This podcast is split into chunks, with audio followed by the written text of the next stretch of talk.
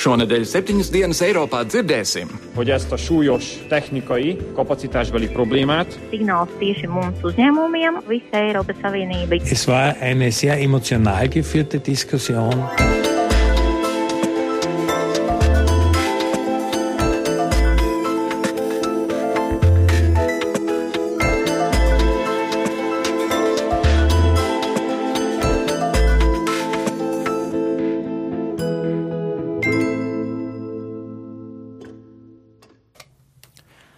Labdien, cienījamie Latvijas radio viens klausītāji! Mani sauc Jānis Krops, un šis ir raidījums septiņas dienas Eiropā, kamēr kolēģis Kārlis Streips ir atvaļinājumā. Šodien būšu es ar jums kopā. Nu, protams, jautājumi, kā vienmēr, Allaž septiņās dienās Eiropā ir saistīti ar to, kas tad aktuāls ir noticis šajā nedēļā, vai arī vēl notiks Eiropā. Nu, protams, karstums, karstums. Karsta ir bijusi nedēļas nogala Latvijā, karstuma vilnis ir skāris arī Eiropu, bet vēl karstāk laikam iet Eiropas politikā, Eiropas finansēs, Eiropas ekonomikā, un jo vairāk, protams, tieši tāpēc, ka runājam, kā Allaž ierasts arī par Eiropas dienvidu zemi Grieķiju. Šajā nedēļā, nu jāsaka, laikam ir noticis kaut kas tāds vēl līdz šim nebijis pēc referenduma Grieķijā, jo Salīdzinoši jāsaka, laikam vēsturē nu nevaram mēs atminēties tādus gadījumus, unikālus notikumus, kad Eiropā kāda no viena no šīm Eiropas Savienības valstīm nu, nonāktu it kā tik tālu, ka tā kā jau defaultē turpina tomēr savu cīņu ar starptautiskiem aizdevējiem, lai izvairītos vēl no tāda vienpusēja parādu došanas diktāta. Un kas tad tas ir, kas šobrīd notiek saistībā ar Grieķiju? Tā tiešām ir tāda cīņa pret diktātu, vai tas ir veselais saprāts, ka Grieķi tiešām zina, ko viņi dara? Nu, to centīsimies mēs saprast šeit redzījumā otrajā daļā, kad studijā viesosies Latvijas Universitātes profesors un arī politiskās komunikācijas komunikācijas eksperts Ojārs Skudra un arī Sebankas ekonomikas eksperts Dainis Gašpuits. Bet līdz mēs nonākam līdz šai sarunai, nu tad mums, protams, uz Grieķijas fona jāsaka, ir nedaudz tā piemirstas, ir palikušas arī citas diezgan svarīgas lietas, nu kaut vai tas, ka ir tapušas izmaiņas Eiropas noteikumos, kas tad nosaka, cik lieli var būt mobilo sakaru un datu pārraides viesu abonēšanas tarifi Eiropā. Šis tiešām ir ļoti svarīgs pasākumu kopums, un šis notikums arī ir nosaukts par vienu tādiem lielajiem Latvijas prezidentūras sasniegumiem. Kā tas tiešām izskatās, to mēs vairāk arī lūkosim sižetā, bet nu vēl pirms šī stāsta metamies citā tematu jūrā, uzklausīsim dažus viedokļus par šīs nedēļas tādiem būtiskiem notikumiem, kas gan jau ir aktuāli vairākus mēnešus, un tie ir saistīti ar imigrāciju, ar migrantiem, bēgļiem, nu kaut vai arī mūsu pašu valdību šodien nolēma, ka uzņemsim tomēr bēgļus, bet nu plašāk Gitas Siliņas sagatavotais materiāls.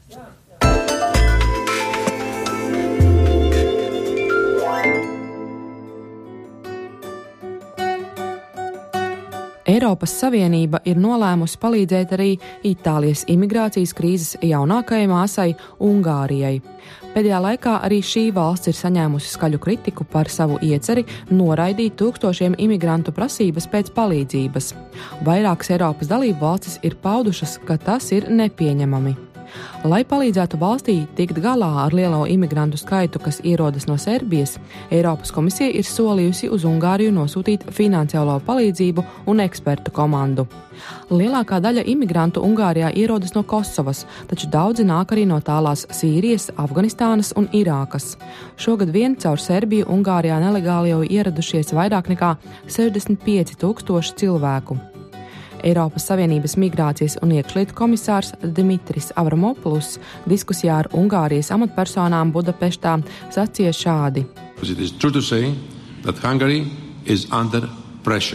Nebūs melots, ja teiksim, ka Ungārija šobrīd izjūt lielu spiedienu. Līdz šim mēs runājām par Itāliju un Grieķiju, taču tagad mēs esam pievienojuši arī Ungāriju.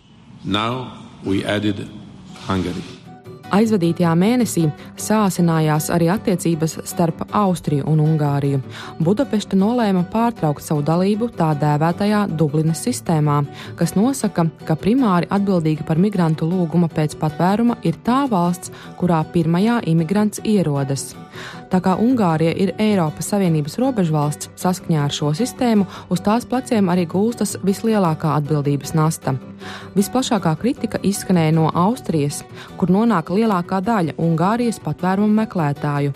Dienu vēlāk gan Ungārija centās mīkstināt savu nostāju, skaidrojot, ka tā neatkāpjas no savām starptautiskajām saistībām, vien lūdz atlikt šo normu uz laiku, skaidro Ungārijas ārlietu ministrs Peters Sižārto.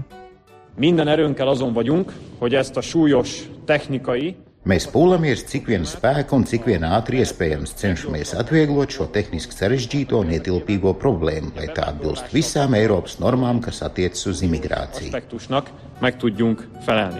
Lai gan drīz vien Ungārija no savas ieceres atteicās, šādas tēmas sākšana jau vien liecina, ka situācija ir krasi sāsinājusies. Tā saka Austrālijas kanclers Werners Faimans. Genau genommen waren es doch sieben Länder, die mit einer. Kopumā septiņas valstis ir paziņojušas, ka nevar pildīt striktus noteikumus. Itālija cīnījās visiem spēkiem, tostarp kombinācijā ar Dublinas vienošanos. Debates ir ļoti emocionāls. Tas rāda, ka ir pēdējais laiks, lai šīs diskusijas sāktos valdību vadītāju līmenī. Der Regierungschef so ausführlich zu reden.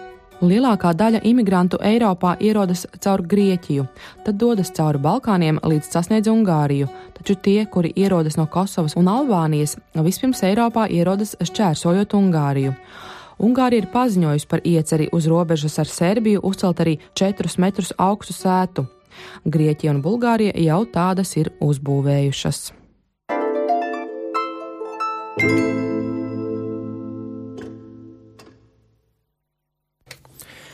Latvijas prezidentūra Eiropas Savienības padomē arī, nu, kā jau beigusies, laikam varam teikt, veselu nedēļu pilnu, un tad uh, kāds pat atļāvās arī pajokot, tāpēc arī atnācis Latvijā beidzot karsts laiks, darbs ir beidzies, varam beidzot atpūsties, bet, nu, viennozīmīgi karsta līdz šim nebijusi lieta ir panāktā vienošanās par viesabunēšanas tarifu atcelšanu, kas nozīmē to, ka jau pēc diviem gadiem Eiropas Savienībā nu nebūšot iespēja vairs piemērot nesamērīgi augstus mobilo sakaru un arī datu apraides tarifus no ārzemēm atbraukušajiem sakaru klientiem. Vienošanās paredz, ka katrā Eiropas Savienības dalībvalstī tad viesabonēšanas tarifi būtu tieši tādi paši kā mītnes zemē, un mērķis ir cēls attīstīt vienotu digitālo pakalpojumu tirgu, kas praktiski nozīmē nojaukt digitālās robežas, bet vai tas tiešām ir tik skaisti, kā izklausās, nu to vairāk dzirdēsiet kolēģis Gitas Siliņas sagatavotajā reportāžā.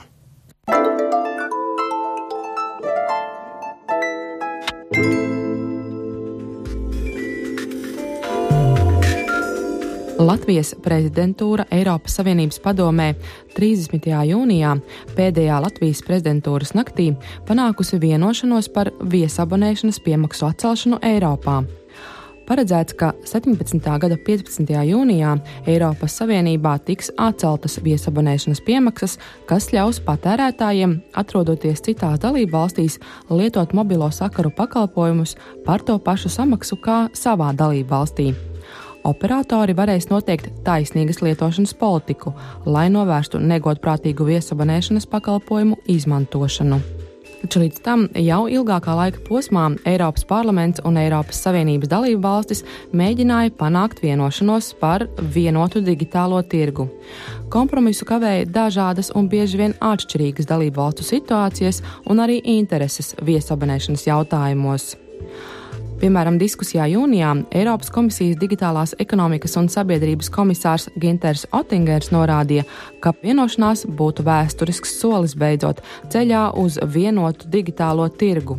Līdz tam gan, kā akcentē nozares pārstāvji, jātiek galā ar virkni neskaidrību un pāries posma sarežģījumu, jo vienotais digitālais tirgus ir ideja, kura paredz, ka visiem Eiropas Savienības valstu iedzīvotājiem būs pieejami līdzīga veida pakalpojumi un faktiski šīs digitālās robežas tiktu nojauktas. Pagaidām šī koncepcija ir vairāk lozungu līmenī. Pirmais solis, kas ir spērts, ir mēģinājums vienādot viesabonēšanas tarifus, tā lai cilvēks viesojoties citā valstī, lietojot citas valsts operatoru tīkla pakalpojumus, maksātu vietējo tarifu, nevis speciālo viesabonēšanas tarifu, kā tas bijis līdz šim. Eiropas komisijas priekšsēdētāja vietnieks Andrus Ansips, kas ir atbildīgs par vienotā digitālā tirgus veidošanu, jau iepriekš norādījis, ka līdz šim tirgus ir bijis fragmentārs, jo visās 28 dalību valstīs pastāv dažādi likumi, kas regulē jaunāko tehnoloģiju sfēru, un tas ir iemesls dažādām barjerām pašu valstu vidū. Tālāk vienotā telekomunikācija likuma kopums ir nepieciešams. Ansips, tāpat kā Otingers, uz šo projektu raugās optimistiski. Optimism is our moral duty, as it was said by Karl Popper. Uh, Optimisms ir mūsu morālais pienākums, kā toreiz teica Karls Popers. Visiem politiķiem ir jāraugās uz priekšu optimistiski, un es tiešām to daru. Mūsu cilvēki gaida, kad tiks atcelt viesabonēšanas maksa Eiropas Savienībā. Manuprāt, tas ir visvairāk gaidītais ziņojums, kas tapis sarunās starp dalību valstīm, Eiropas parlamentu un Eiropas komisiju. The European Parliament and uh, the European Commission. Latvijas Republikas satiksmes ministrs Andrijs Matīs Latvijas rādio iepriekš skaidroja, ka būtisks ir pārējais periods, kad plānots pakāpeniski samazināt viesabonēšanas maksu mobilo sakaru lietotājiem, ņemot vērā iespējamos vidējos rādītājus. Mēs zinām, ka uh, vienmēr iedzīvotāji ir piesardzīgi. Nu, viesabunēšanā zvana tikai tad, kad nepieciešams, un runā tikai tik ilgi, cik nepieciešams. Tāpat arī datu pārraidi lieto tikai tik, cik nepieciešams, un arī īziņas nesūta kā mājās, piemēram. Latvijā pilnīgi bez maksas. Tad ir kaut kāda vidēja rādītāja, un mēs noteikti tuvosimies šiem vidējiem rādītājiem, piesardzīgam lietotājam. Un tādējādi, protams, pilnīgi kā mājās justies nevarēs, bet varēs justies tuvu tam. Tomēr, kā daudzos jautājumos, arī šī par viesabonēšanu Eiropas Savienības valstīm ir atšķirīgi viedokļi. Kā norāda Raicacija Euronet Plus, tādas austrumu valstis kā Polija, Lietuva un Bulgārija baidās, ka vietējie operatori paaugstinās iekšzemes telefonu sakaru tarifus, lai kompensētu viesabonēšanas maksu. Savukārt dienvidu dalību valstis, piemēram, Grieķija, Spānija, Kipra un Horvātija, kuras ir populāri turistu galamērķi, atbalsta augstāku viesabonēšanu abonēšanas maksu. Aptaujātie pakalpojumu sniedzēji Latvijā vienošanos vērtē piesardzīgi, norādot, ka pagaidām tie ir vispārīgi principi, iztēlota iecerē par to, ko varētu vēlēties sasniegt nākotnē. Turklāt ir nepieciešama arī regula, oficiāls dokuments, kurš iekļaus sevī citas detaļas, kā Latvijā un citās Eiropas Savienības dalību valstīs tiks praktiski īstenota iecerē par vienotu digitālo tirgu. Kompānijas Bita Latvijā klientu apkalpošanas nodaļas vadītāja Oksana Stankēviča norāda, ka Bita šo jauninājuma vienošanās par viesabonēšanas piemaksu atcelšanu sākuma stadiju vērtē pozitīvi, tomēr vienlaikus arī uzmanīgi. Es domāju, ka vairāk uz dotu brīdi tas jau ir pirmais uh, signāls tieši mums uzņēmumiem, visa Eiropas Savienība, jo mums noteikti jau strādājot uh, uz nākotni, domājot par produktiem, nākamajiem gadiem, ko tad mēs darīsim, kāda veida mēs varētu to iztenot, bet tāļu nav. Un, no, tāpēc mēs varam tikai prognozēt, kāda veida tas varētu ietekmēt uh, jau mūsu rīcību un attīstību nākotnē. Runājot par klientiem, noteikti viņi vienkārši ar to saskārsies, un uz dotu brīdi varbūt tas ir ļoti labs solījums par to, uz ko klienti varētu cerēt uh, tuvākajos gados. Latvijas mobilā telefona prezidents Juris Binde uzskata, ka pagaidām vienota digitālā tirgus koncepcijā ir daudz neskaidrību, jo tarifi atšķiras dažādiem operatoriem dažādās Eiropas Savienības valstīs. Latvijā mājas tarifs ir zems, viens no zemākajiem Eiropas Savienības valstīs, tad uh, pārējās valstīs šie tarifi var būt ievērojami augstāki. Lai šī viesabonēšana reāli dotu labumu visiem iedzīvotājiem, ne tikai atsevišķiem operatoriem, acīm redzot lielākajai daļai Eiropas Savienības valstu sakaru operatoriem būtu būtiski jāpazemina šie viesabonēšanas vairumtiesniecības tarifi. Kā šis process noritēs, ir grūti prognozēt, jo ir ļoti daudz valsts, kuros operatoriem ienākumi no viesabonēšanas sastāv ievērojamu daļu no vispārējiem ienākumiem, un līdz ar to cerības par šādu tarifu samazinājumu ir tāds vērtējums diezgan skeptiski. Jau norādīts, ka būtisks ir šis pāries posms, 16. un 17. gads, kad tiks būtiski samazinātas viesabonēšanas maksas. Tas ir laiks arī, kad notiks pielāgošanās visos līmeņos, taču tikmēr sakaru kompānijām Eiropas Savienības valstīs ir iespēja sākt tuvināties domāšanas stilā un iespēju attīstības veidā. Savukārt politiķiem būs jāapstiprina vienošanās gala teksta redakcija.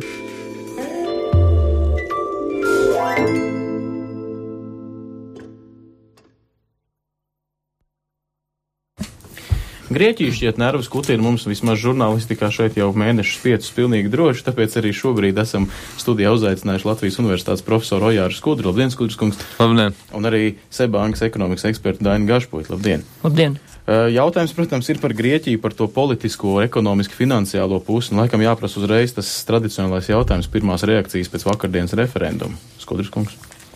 Um, nu, teiksim tā, vislielākais pārsteigums bija tā, tā balsu proporcija. Um, kurai gan ir izskaidrojums, ja, jo tās, tās prognozes, tās prognozes um, tā tad 4. jūlijā izskatījās tā, ka 37% tā kā mm, jā un 46% tā kā nē. Ehm, tā tad tie bija 83%, kas bija spējīgi pateikt, kāda ir tā viņa nostāja, un, un, un pārējie tā kā nezināja, ko viņi, par ko viņi gatavi balsot. Nu, ja mēs to 17% pieskaitam klāt pie tiem 46%, tad, tad mums ir tas rezultāts. Tad visi tie, kuri faktiski neatbildēja, tie visi faktiski nobalsoja nē. Ja? Nu, tas man atklāt sakot bija pārsteigums. Es, biju, do, nu, es domāju, ka tās aptaujas ir precīzākas, bet izrādījās, ka nē. Un, un, un tas izskaidrojums, kas man šķiet arī ļoti racionāls, tā kā jauniešiem ir bezdarbs ap 50% un, un vairāk atkarībā no valsts reģiona, Uh, tad uh, tiek uzskatīts, ka jaunieši uh, vecumā līdz 30 gadiem ir tā pamatmasa, kas nobalsoja nē, vidējā paudze jau mazāk nē, un pavisam maz nē ir pensionāri un, un vecākās paudzes cilvēki. Un tad, protams, ir liela atšķirība starp Atēnām un pārējiem Grieķijas reģioniem. Kā jau ierasts centrā, jā, citu, citu, citu veidu domāšanu. Daina, Daina, kā jums šķiet, finanšu pasauli bija gatava šādam referendumam? Nu, kopumā mēs redzam, ka ļoti krasas svārstības nav. Līdz ar to, protams, ka savā ziņā šie scenāriji jau ir daudzjādā ziņā iecenoti, un, kas nozīmē to, ka nu, tā ir, varētu teikt, pozitīvā ziņa, ka nekāda tāda krasa svārstība nav. Un, nu, protams, ka šeit parādās daudzas ar līdzības ar Latviju, ka ir ar šie dalījumi starp reģioniem, starp pilsētu un laukiem, un arī, arī starp, teiksim tā, ar vecā starp paudzēm šī te, uh, atšķirības uzskatos par to, kā, kas būtu valstī jādara. Es domāju, ka mums arī nu, vajadzētu šādas tādas, um, teiksim, uh, mācības ņemt no tā visa. Dainis veiksmīgi pieminēja, ka varbūt arī mums vajadzētu mācības ņemt, nu, bet savā ziņā par to balsojumu šodien jau izskanēja, ka lielā mērā varbūt arī Eiropa pati ar saviem redzamajiem nu, politiķiem, tur Mārtiņš Šulcs bija ļoti tā asi nostādījis, ka tas ir jautājums par Eiropu un tālāk. Iespējams, ka viņš ir tieši pagrūdis tālāk tos, kas nezināja, kā balsot, kad no sērijas nostādot, nu, paceļot to latiņu tik augstu, ka tad viņi sapratuši, nu, tad pie vēlna balsojam nē. Vai tā varētu būt, ka arī Eiropas pusē šī komunikācija nav bijusi itin veiksmīga, ka viņi, teiksim, tā ir pielējuši to eļu ugunī pirms referenduma? Uh, nu, uh, tā tad uh, viena hipotēze varētu būt tāda, ka, ka nevis tur Eiropas komisija vai, vai, vai teiksim, Eiropas parlaments ir pie vainas, bet ka, ka Eiropas centrālā banka apturot to ārkārtas likviditātes izsniegšanu Grieķijas centrālajai bankai un novedot pie tā, ka tiek ieviest tas tā, tie 60 eiro dienā un dažiem tikai 50 eiro, jo vienkārši 20 eiro zīmes nav un tā tālāk. Uh, šis pasākums pēc visas priežot ir nospēlējis par labu nē. Uh, to, to es uh, apņemos apgalvot diezgan kategoriski. Šodien es saprotu, vēl no bankomātiem to 60 eiro laikam varot dabūt, nu, laikam jau 50 ārā, bet uh, Daini jautājums, kas notiek rītdien, vai rītdien viņiem vēl tās bankas tiešām būs slēgtas, kā izskatās? Nu, te lielos vilcienos būs atkarīgs no ECB rīcības, bet es domāju, ka ECB šobrīd ir vislielākajā sarežģītākajā situācijā, jo no vienas puses viņi nav politiķi, viņi nelem, no otras puses šī atbildība, kā viņi rīkosies pret šo fi, uh, Grieķijas uh, finanšu sistēmu, ar lielā mērā izšķirs uh, tas, to rīcību, kāda būs no Grieķijas valdības, jo Un, mēs skaidri zinām, ka šajā situācijā finanšu, Francijas finanšu ministrs tā kā izteica atbalstu, ka ECB ir jādara visu, lai atbalstītu šo sistēmu, bet pilnīgi droši var teikt, ka uh, tādas valsts kā Vācija būs stingri pret, un, un te atkal ir tāds zināmas uh, uzskatu dalīšanās pašā Eirozonā par to, kā būtu jārīkojas, bet uh, ECB katrā ziņā nu, būs atkal jāinterpretē savs mandāts un, un, un, un, un jāmēģina um, šo situāciju darīt tā, lai tomēr šī atbildība aiziet līdz politiķiem, jo mēs redzam arī, ka līdzšinējo uh, krīze lielos vilcienos um, ir slāpējusi, ja šo situāciju ekonomikā uzlabojas ECB rīcība, bet uh, tā nav pietiekama, lai mēs uh, nu, šī izaugsme kļūtu pašpietiekama. Kārtējs piemērs, kur politiķi laikam sabojā kaut ko vairāk nekā pienes klāt, bet uh, šodien arī kaut kur bija lasīts, ka tāpat atkal kārtējo reizi mēs atgriežamies nu, pie tiem jokiem, kuriem ir tomēr daļa patiesības, ka Angels Merkels rokās ir tas tālākais Grieķijas liktenis, ka viņi tomēr nosaka to noti, un uh, arī viņi vakar ar Olandu kungu jau ir tik, laikam sazvanījušies šodien tiku, tie, tie, kas pēcpusdienā, tad rītdien ir Eirozonas līderu sanāksme. Uh, jautājums ir, vai Vācija ir tajā noskaņumā, ka viņi tiešām varētu kaut ko reāli darīt, lai Grieķijai ietu labāk, vai viņiem tiešām tas mērs ir pilns?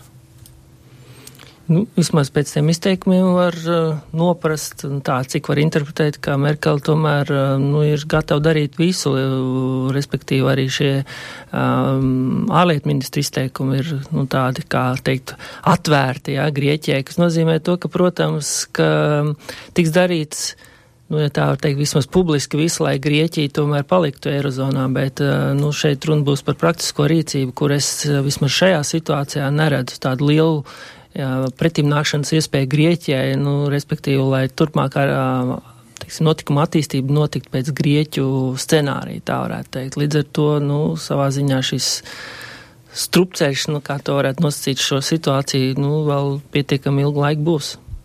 Skudras kungs jautājums par Aleksu Cipras. Nu, viņš tiešām ir tāds, varbūt, cilvēks, ko nevajadzētu laist pie pokara galda, ka viņš ļoti labi blefo. Viņam tiešām varētu būt kāds trumpis azotē vēl ko piedāvāt rītdien. Uh, nu, tā tad uh, pirmo trumpi jau uh, viņš ir izspēlējis, viņš izspēlēja vakar, un, un par to ir paziņojuši vienprātīgi, ka, ar šo kārti viņš labāk lai nenāk. Uh, viņš, kā zināms, apsolīja uh, pēc tam, kad bija zinām jau provizoriskie balsošanas rezultāti, ka 48 stundu laikā viņš panāks vienošanos, uz ko viņam sekoja atbildi, ka nekādas vienošanās 48 stundu laikā nav iespējams. Tā, tas, eh, tas pirmkārt, otrkārt, eh, nu, mēdījos nav parādījusies ziņa, ka Cipras piespieda varu fakti atkāpties, ko viņš ir veiksmīgi izdarījis, sniedzam, sniedzot pēc tam visādas, pirms tam un pēc tam visādas skaļas paziņojumus, arī izmantojot Twitter kontu un tā tālāk. Tā tad, um, kas, kas, protams, ir, teiksim, um, kā, pozitīva zīme uztverta savukārt no uh, uh, Eirozonas vadības puses. Uh, tā kā tad vēl uh, ir jāpiemina divas lietas, kas nāk tagad no amerikāņu domnīcas Stratford.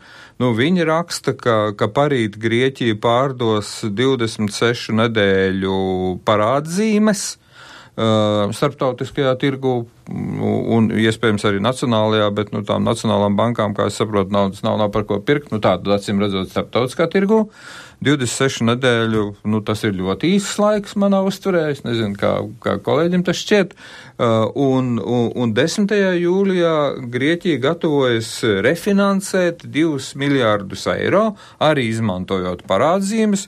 Nu, tur var saprast, tie ir 2,2 miljārdi dolāru tad uh, varētu saprast, ka viņi gatavojas samaksāt to, kas viņiem bija jāmaksā Startautiskam valūtas fondam, jo Cipras spēlē uz Startautiskā valūtas fonda un Eiropas Savienības pretrunā. Kāda varētu būt iespēja pārdot šobrīd Grieķijas nu, parādzīmes? Šeit es teiktu, īpaši tā šīs iespējas augst nevērtēt, bet, nu, protams, ka viņi mēģina sev izbrīvēt laiku šīm sarunām, un, protams, ka viņi ir gatavi arī uh, teiksim, pārdot šo parādu par augstāku cenu, lai gan skaidrs, ka pārfinansēt tirgu savu parādu viņi nav spējīgi.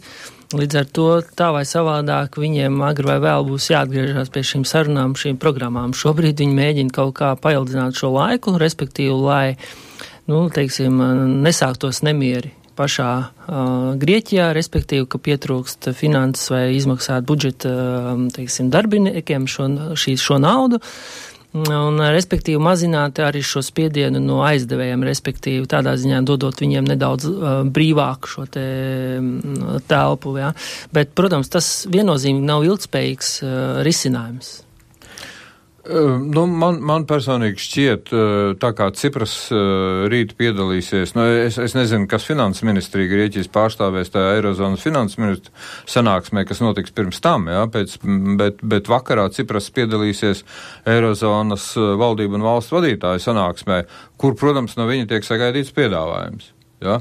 Nu, ja tur šī piedāvājuma nebūs, tad gan, manuprāt, Cipras būs spēris tādu diezgan stabilu soli Brexit virzienā. Bet viņam ir reāli ko piedāvāt?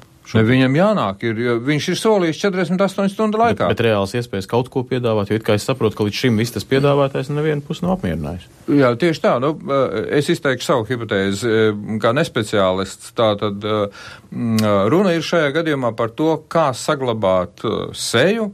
Ir tāds jēdziens diplomātijā Grieķijai un Eirozonai un, un Eiropas Savienības vadībai.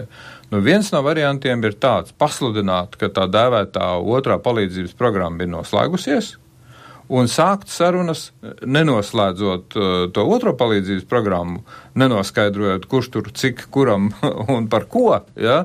bet, bet sākt sarunas par trešo palīdzības programmu, ko starp citu to, tā ideja ir ietverta tajā Starptautiskā valodas fonda dokumentā, tajā projektā, ko viņi publicēja divas dienas pirms referenduma. Uh, solot līdz 2018. gadam 50 miljārdus eiro Grieķijai. Nu, lūk, tā tad, eh, tā tad, eh, nu, tad Ciprasam jānāk ir ar kaut kādu Eirozonai pieņemamu piedāvājumu saistībā ar šo trešo palīdzības programmu.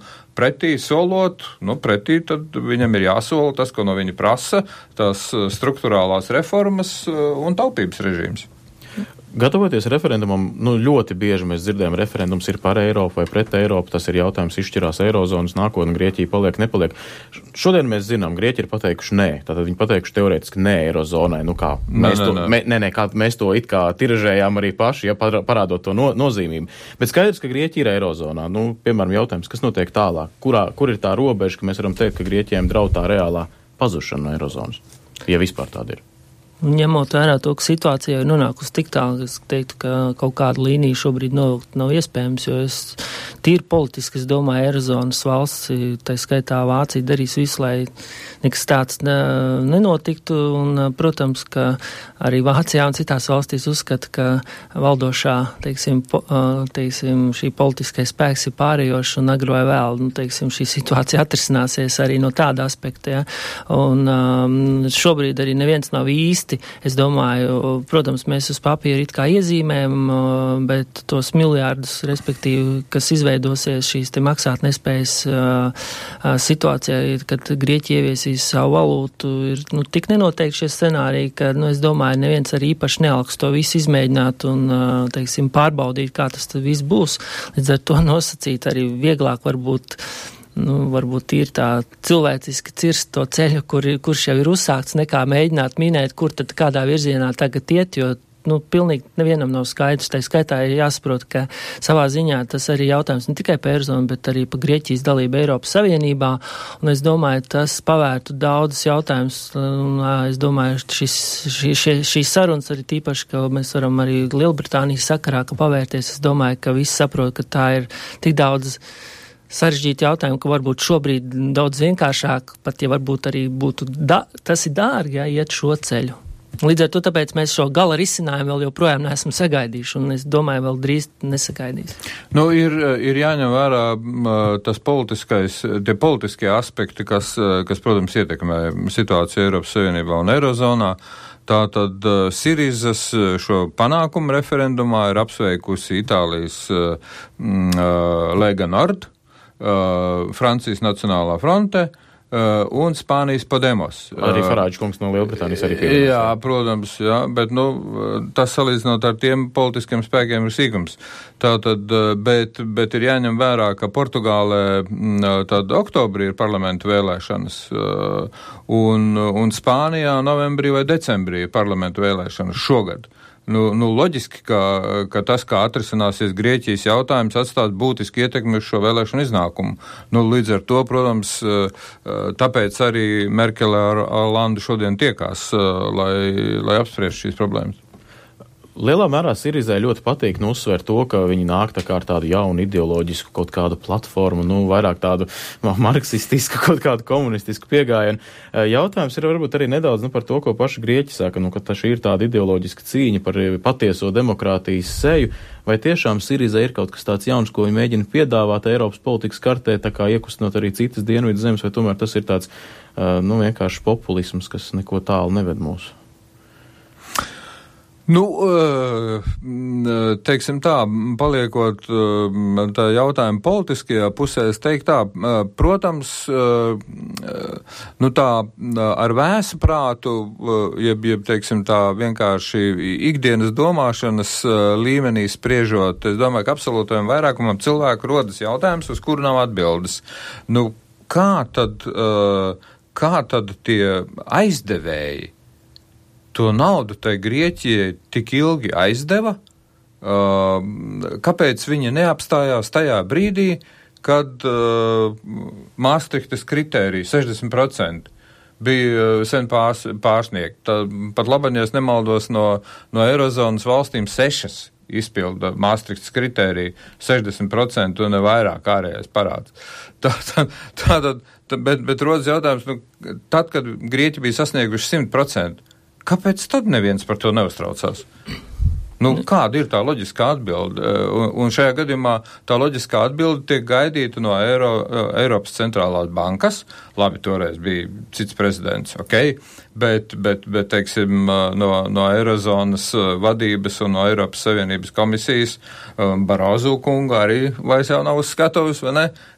Jautājums, ko tad viņi, uz ko viņi cerēja, uz kādiem brīnumiem? Nu, šeit bija varbūt tas, nu, šis pats jautājums tikai uz kādiem argumentiem tad uh, tika uzskatīts, ka Grieķija uzņēma šajā Eirozonā, jo tad jau Formāli, bija skaidrs, jā. jau, ka viņi īsti neatbilst šiem kritērijiem. Jā. Līdz ar to nu, mēs saprotam, ka jau tad viņai bija savā ziņā kaut kādas nu, nosacītu pēdiņās priekšrocības.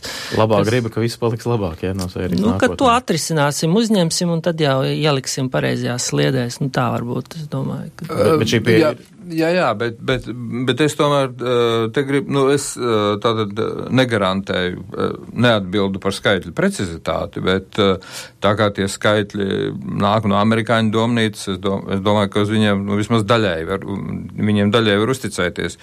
Grieķijas privātais parāds 2008. gadā 93,8% no IKP. Grieķijas publiskais parāds, tā tad Tagad 2008. gadā es nepateikšu precīzi to skaitli, bet, bet var sekot, tie, tie, tie skaitļi liecināja, ja mēs paskatāmies, Grieķija 2001. gadā iestājās Eirozonā. Grieķijas, Grieķijas parāds privātais 1999. gadā 38,8% un, un, un publiskais parāds arī apmēram, apmēram tāds pats. Tā tad,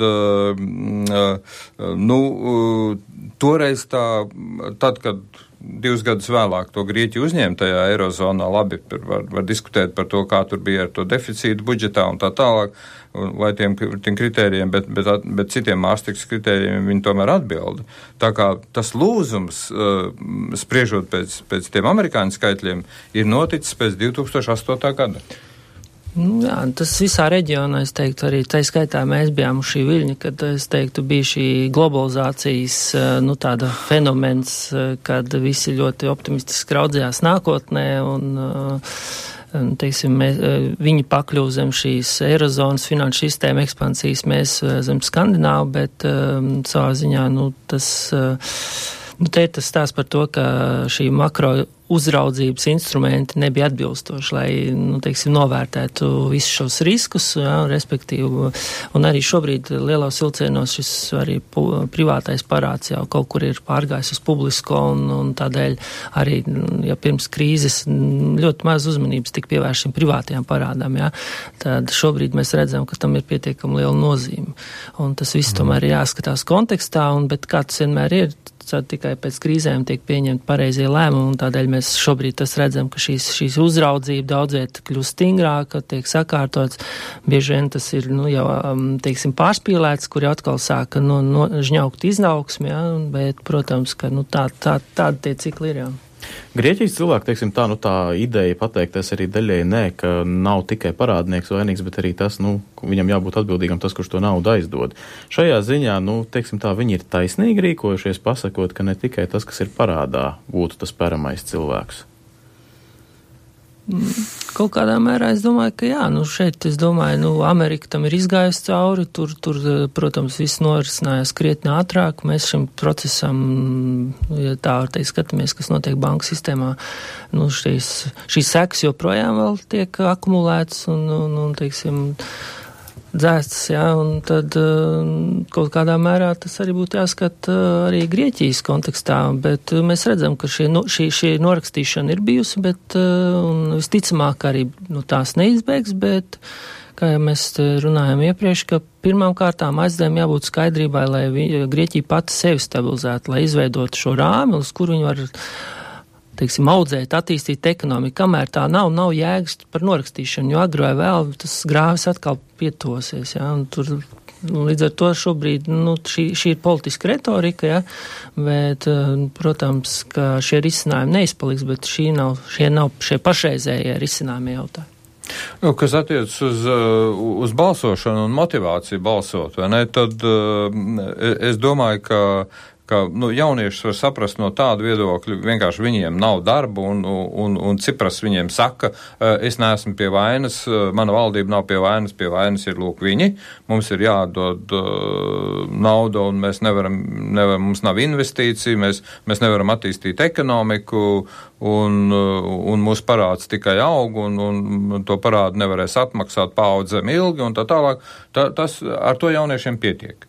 Eh, kas attiecas, teiksim, uz, uz pensionāriem un, un tiem, kas ir tuvu pensionēšanās vecumam, tur arī tas arguments nostrādāja tā iemesla dēļ, ka, nu, um, Eirozona un, un, un Eiropas Savienība prasa pensionēšanās vecumu palielināšanu pakāpenisku. Ja? Um, tā tad, un, un, un vidējā pensija, kas, kas nu atkal neatspoguļo reālo stāvokli, bet vidējā pensija Grieķijai ir divreiz lielāka nekā Latvijā. Un, un es nesen lasīju uh, vācu preses komentāru, kur komentētājs beigās retoriski jautā, uh, uh, ka, kāpēc gan lai uh, Grieķijas uh, pensionāri dzīvotu divreiz labāk uh, vai trīsreiz labāk nekā Latvijas pensionāri, ja, ja Grieķijas ekonomika nestrādā ne divreiz, ne trīsreiz labāk kā Latvijas ekonomika? Turpat eh, vidējā pensija, man liekas, daudz neatpaliek no pašas Vācijas, ir tīpaši Austrumvācijas pensijas, tā kā ņemot vērā bezdarba līmeni, nodarbinātību, pensionēšanās vecumu, tā ekonomika vienkārši nav spējīga uzturēt to visu. Tieši tā. Tagad teiksim tā, nu, šodien labi, mums ir tā, tā diena uzreiz pēc referenduma, norims drusku tas, tā ažiotāža, rītdien bankām teorētiski būtu jāatver savus filiālus, diez vai tas notiks, neviens no to laikam nezina līdz galam. Nē, ECB šovakar pieņems lēmumu. Pieņems lēmumu, tad gaidām Šo, vakarā, jā. ko tad viņi lems. Mm. Jautājums ir, nu, kas rītdien tur var notikt, ja viņiem likviditāte bankām netiek sniegta papildus, tad bankas, ar bankām tā ir kā ir. Nu, es domāju, ka šī kapitāla kontrola būs nu, nu, viņi nebeigsies tūlītām, jo nav jēgas turēt, ja tā teikt, caur vanu un viss nepārtraukt liet uh, naudu iekšā, un uh, līdz ar to šī kapitāla kontrola līdzīgi kā Kiprai saglabāsies, neskatoties uz nepievilcīgo šo te, kā teikt, stāvokli, jā, kā Erzonas valstī kaut kas tāds ir tiek piemērots, bet nu, nu tīri loģiski saprotot, ka tam nav risinājumu šobrīd arī no ECB um, pludināt to naudu, ar kuru, teiksim, visā, kamēr nav šī, nu, teiksim, šis fundaments sakārtots. Līdz ar to es domāju, šī kapitāla kontrola būs, ierobežojumi būs. Un kā teikt, kamēr kaut kāds risinājums būs, es domāju, tas vismaz mēnesis ilgs, kamēr arī šīs sarunas ies, es domāju, ātrāk nekāda risinājuma tāda, kaut kāda, kas iezīmētu vismaz kaut kādu vektoru, kādā virzienā, es domāju, būtu ļoti optimistisks. Nu, daži, daži radikāļi ir izteikuši tādu ideju, ka varētu sekot uh, Kipras piemēram, es, es tagad negalvoju par precizitāti, vai, vai Kiprā tiešām tā bija, ka, ka teiksim, Grieķijas bankās varētu rekvizēt naudas summas, teiksim, visu, kas ir virs 100 tūkstoši eiro, uh, visu savāc un, uh, un izmaksā algās un pensijās. Tad ir sadalīt tas, kas paliks pāri. Jā. Nu, jā, es, es, es sagaidītu, ka būs vismaz kaut kāds procents, kur, teiksim, kā krīzes nodokļu iekasēs. To es varētu jau likt gandrīz droši, jo vienkārši citu risinājumu nav. Kiprā tas notika. Nu, protams, un šeit ir stāsts par to, ja atvērtu atkal finanšu sistēmu, tad tur uh, nekas neizdotos no tā viss. Līdz ar to šobrīd tas arī zināms, uh, tāsim, resurs uh, valdībai, kur viņi var izmantot. Cik tas populāri nebūs, bet, protams, ka. Jā, tas būs populistiski. Jā, bet. Uh, tas strādās. Bet, teiksim tā, rītdiena nebūs tā diena, kad mēs varam vēsturē aizvērt lapas pusi un pateikt, šī bija diena, no. kad Grieķija bija Eirozonā. Es domāju, ka nē, vienkārši nav tas risinājums. Nav ne Grieķijai risinājums, jo, nu, ja pat ja Grieķija ieviesīs drahmu, tad viņu metīs vienu loku un agri vēl nonāks pie tās pašas situācijas atkal. Un līdz ar to es domāju, ka nu, tas ir tur nav, tas nav arī nav risinājums. Un, starp citu, mēs arī redzam, lai ir ko runāt, piemēram, tas pats varu faks vai cipras, viņi, nu, tomēr ar, ar, teiksim, ar nagiem un zobiem ir iekrampējušies tā erozonā un, un draud pat tiesāties un ko tik vēl nē, jā, tas nozīmē to, ka viņi saprot, jā, un tīpaši, ja paskatās varu fakis izteikums, ka pirms viņš pirms gadiem desmit izteicās, kas notiktu Grieķijai, ja viņi pamesta eirozonu, jā, nu, viņš pats iezīmē, un līdz ar to, nu, viņš jau, nu, teiksim, kļūstot par politiķi, es nedomāju, ka viņš ir, nu, kā teikt, um, pārinstalējis sevi. Jā, bet, uh, nu, viņš varbūt runā kā politiķis, bet, nu, skaidrs, ka viņi arī saprot, ka tas ir, uh, ceļ, nu, tā ir ļoti smaga krīze, un es domāju, ka viņi noteikti, tas ir liels šaubas, vai viņi izdzīvot tīri politiski. Nu, es pieņemu, ka mēs par šo jautājumu turpināsim runāt vēl un vēl. Lielas paldies! Jāsaka, Dainis Gašpuits no SEB bankas un arī Ojārs Skudi no Latvijas universitātes. Lielas paldies jums, ka varējāt ierasties. Vēl tāda interesanta lieta, protams, kas arī tāpat paliek šeit pat uh, raidījumā mūsu repertuārā, kā varam teikt, diezgan bieži. Nu, Ukrainas valdība arī tagad apsolīs virzīt savu karaplosīto valstu uz rietumiem, apsolījuši, ka līdz 2020. gadam varēs iestāties Eiropas Savienībā. Nu, cik pamatot ir šie spriedumi par to vairāk Ainārs Lērhis sagatavotajā ierakstā. Jaunie Ukrainas vadītāji ir apsolījuši virzīt valsti uz rietumiem. Ukraina šobrīd ir izvirzījusi ambiciozu mērķi. 20. gadā tā vēlas kļūt par Eiropas Savienības kandidātu valsti. Tomēr pagaidām valsts austrumos turpina plosīties karš. Turpinās arī informatīvā agresija no Krievijas puses. Aktuālo Ukrainā notiekošo komentē Ainārs Lērhis. Vispirms tātad uh, militāri politiskais aspekts šai lietai.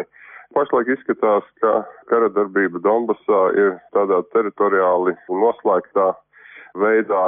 Faktiski šis kara darbības rajons uh, īpaši nepaplašinās, pateicoties Ukrainas antiteroristiskai uh, operācijas darbībai. Uh, bet tā kā šo teritoriju Ukraina reāli nekontrolē, tad, acīm redzot, mēs turpmāk runāsim par uh, Ukrainas, tā teikt, šo pārējo teritoriju, kurā Ukrainas uh, valdība un prezidents un parlaments uh, ir iesākuši vairākas reformas ceļā uz tuvināšanos Eiropai, Ukrainas padarīšanai Eiropas valsti ar Eiropas vērtībām, tuvināšanos Eiropas Savienībai šeit ir, un tas arī šovasar ir, jau šie procesi visi ir sākušies arī iepriekš, un arī šovasar turpināsies.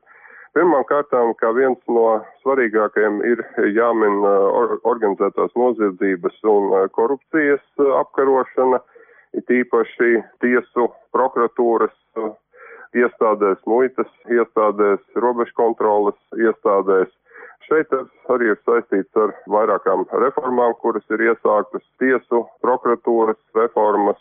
Vēl arī tāds virziens, kas varbūt nav viens no svarīgākajiem, bet šajā gadījumā tomēr ir zināmu tādu politisku un varbūt arī ideisku, ideoloģisku rezonanci. Ir tā saucamais dekomunizācijas, jeb lustrācijas process, respektīvi padomju komunistiskās pagātnes mantojuma pārvarēšanu. Nu, tādā uzskatāmākā formā tas izpaužās divos virzienos, tātad šī lustrācija, agrāko valsts darbinieku, eh, nu, tā teikt, izvērtēšana par to, ko viņi ir darījuši padomu laikā un arī, teiksim, Janukoviča valdīšanas laikā.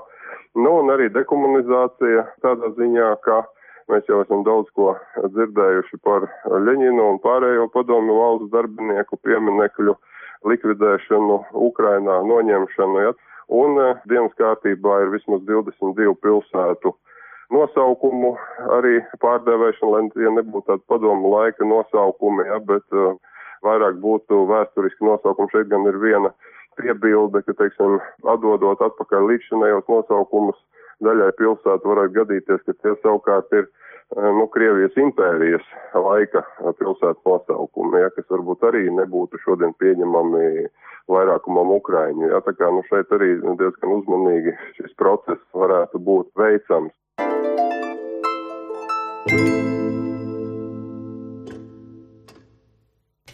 Paldies par šo prognozu Austrum Eiropas politikas pētniecības centra valdes priekšādātājiem Aināram Lērhim, bet, nu, protams, skaidrs ir tas, ka šī diena, kā teikt, ir tipiska pēc vēlēšanu diena, šajā gadījumā Grieķijas diena, tādā ziņā, ka lozungi ir nedaudz noplukuši, tāpat ir realitātē saprotam, ka mēs par šo lietu turpināsim runāt. Nu, no vienas puses mēs varam teikt, priecē tas, ka Grieķijas tāda ātra izstāšanās no Eirozonas laikam uzreiz nav iespējama, jo galu galā varbūt arī jājūt līdz tiem cilvēkiem, kas šajā valstī atrodas. Tajā pašā laikā arī diezgan interesants atziņas, kaut vai šodien izskanēja raidījumā krustpunktā, kur par šo pašu lietu runāja, ka varbūt lielā mērā arī pašai Eiropai ir jāpadomā, kādā veidā tad Eiropa ir runājusi ar Grieķiju un varbūt tiešām, kad šajā populistu vadītajā valstī ir iznākusi arī kāda laba atziņa, proti, ka varbūt ir tiešām pienācis laiks runāt par jauniem tādiem ideoloģiskiem uzstādījumiem, kā tad mēs viens ar otru runājam. Galu galā, ja Eiropa ir tiešām vienota dažādībā, tad nu, jāpieņem ir visi tādi, kādi viņi ir dažādi. Nu, vēl viena priecīga ziņa ir tā, ka eiro laikam diezgan labi ir noturējies šodien starptautiskajos valūtas tirgos, tas kritums nav bijis tik liels, un turklāt par jūniju vēl interesanta lieta ir, ka investoru pārliecība Eiropā izrādās tomēr ir lielāka nekā prognozēts. Varbūt nemaz nav tik slikti, kā izskatās, bet jebkurā gadījumā tiekamies jau atkal pēc nedēļas uz redzēšanos!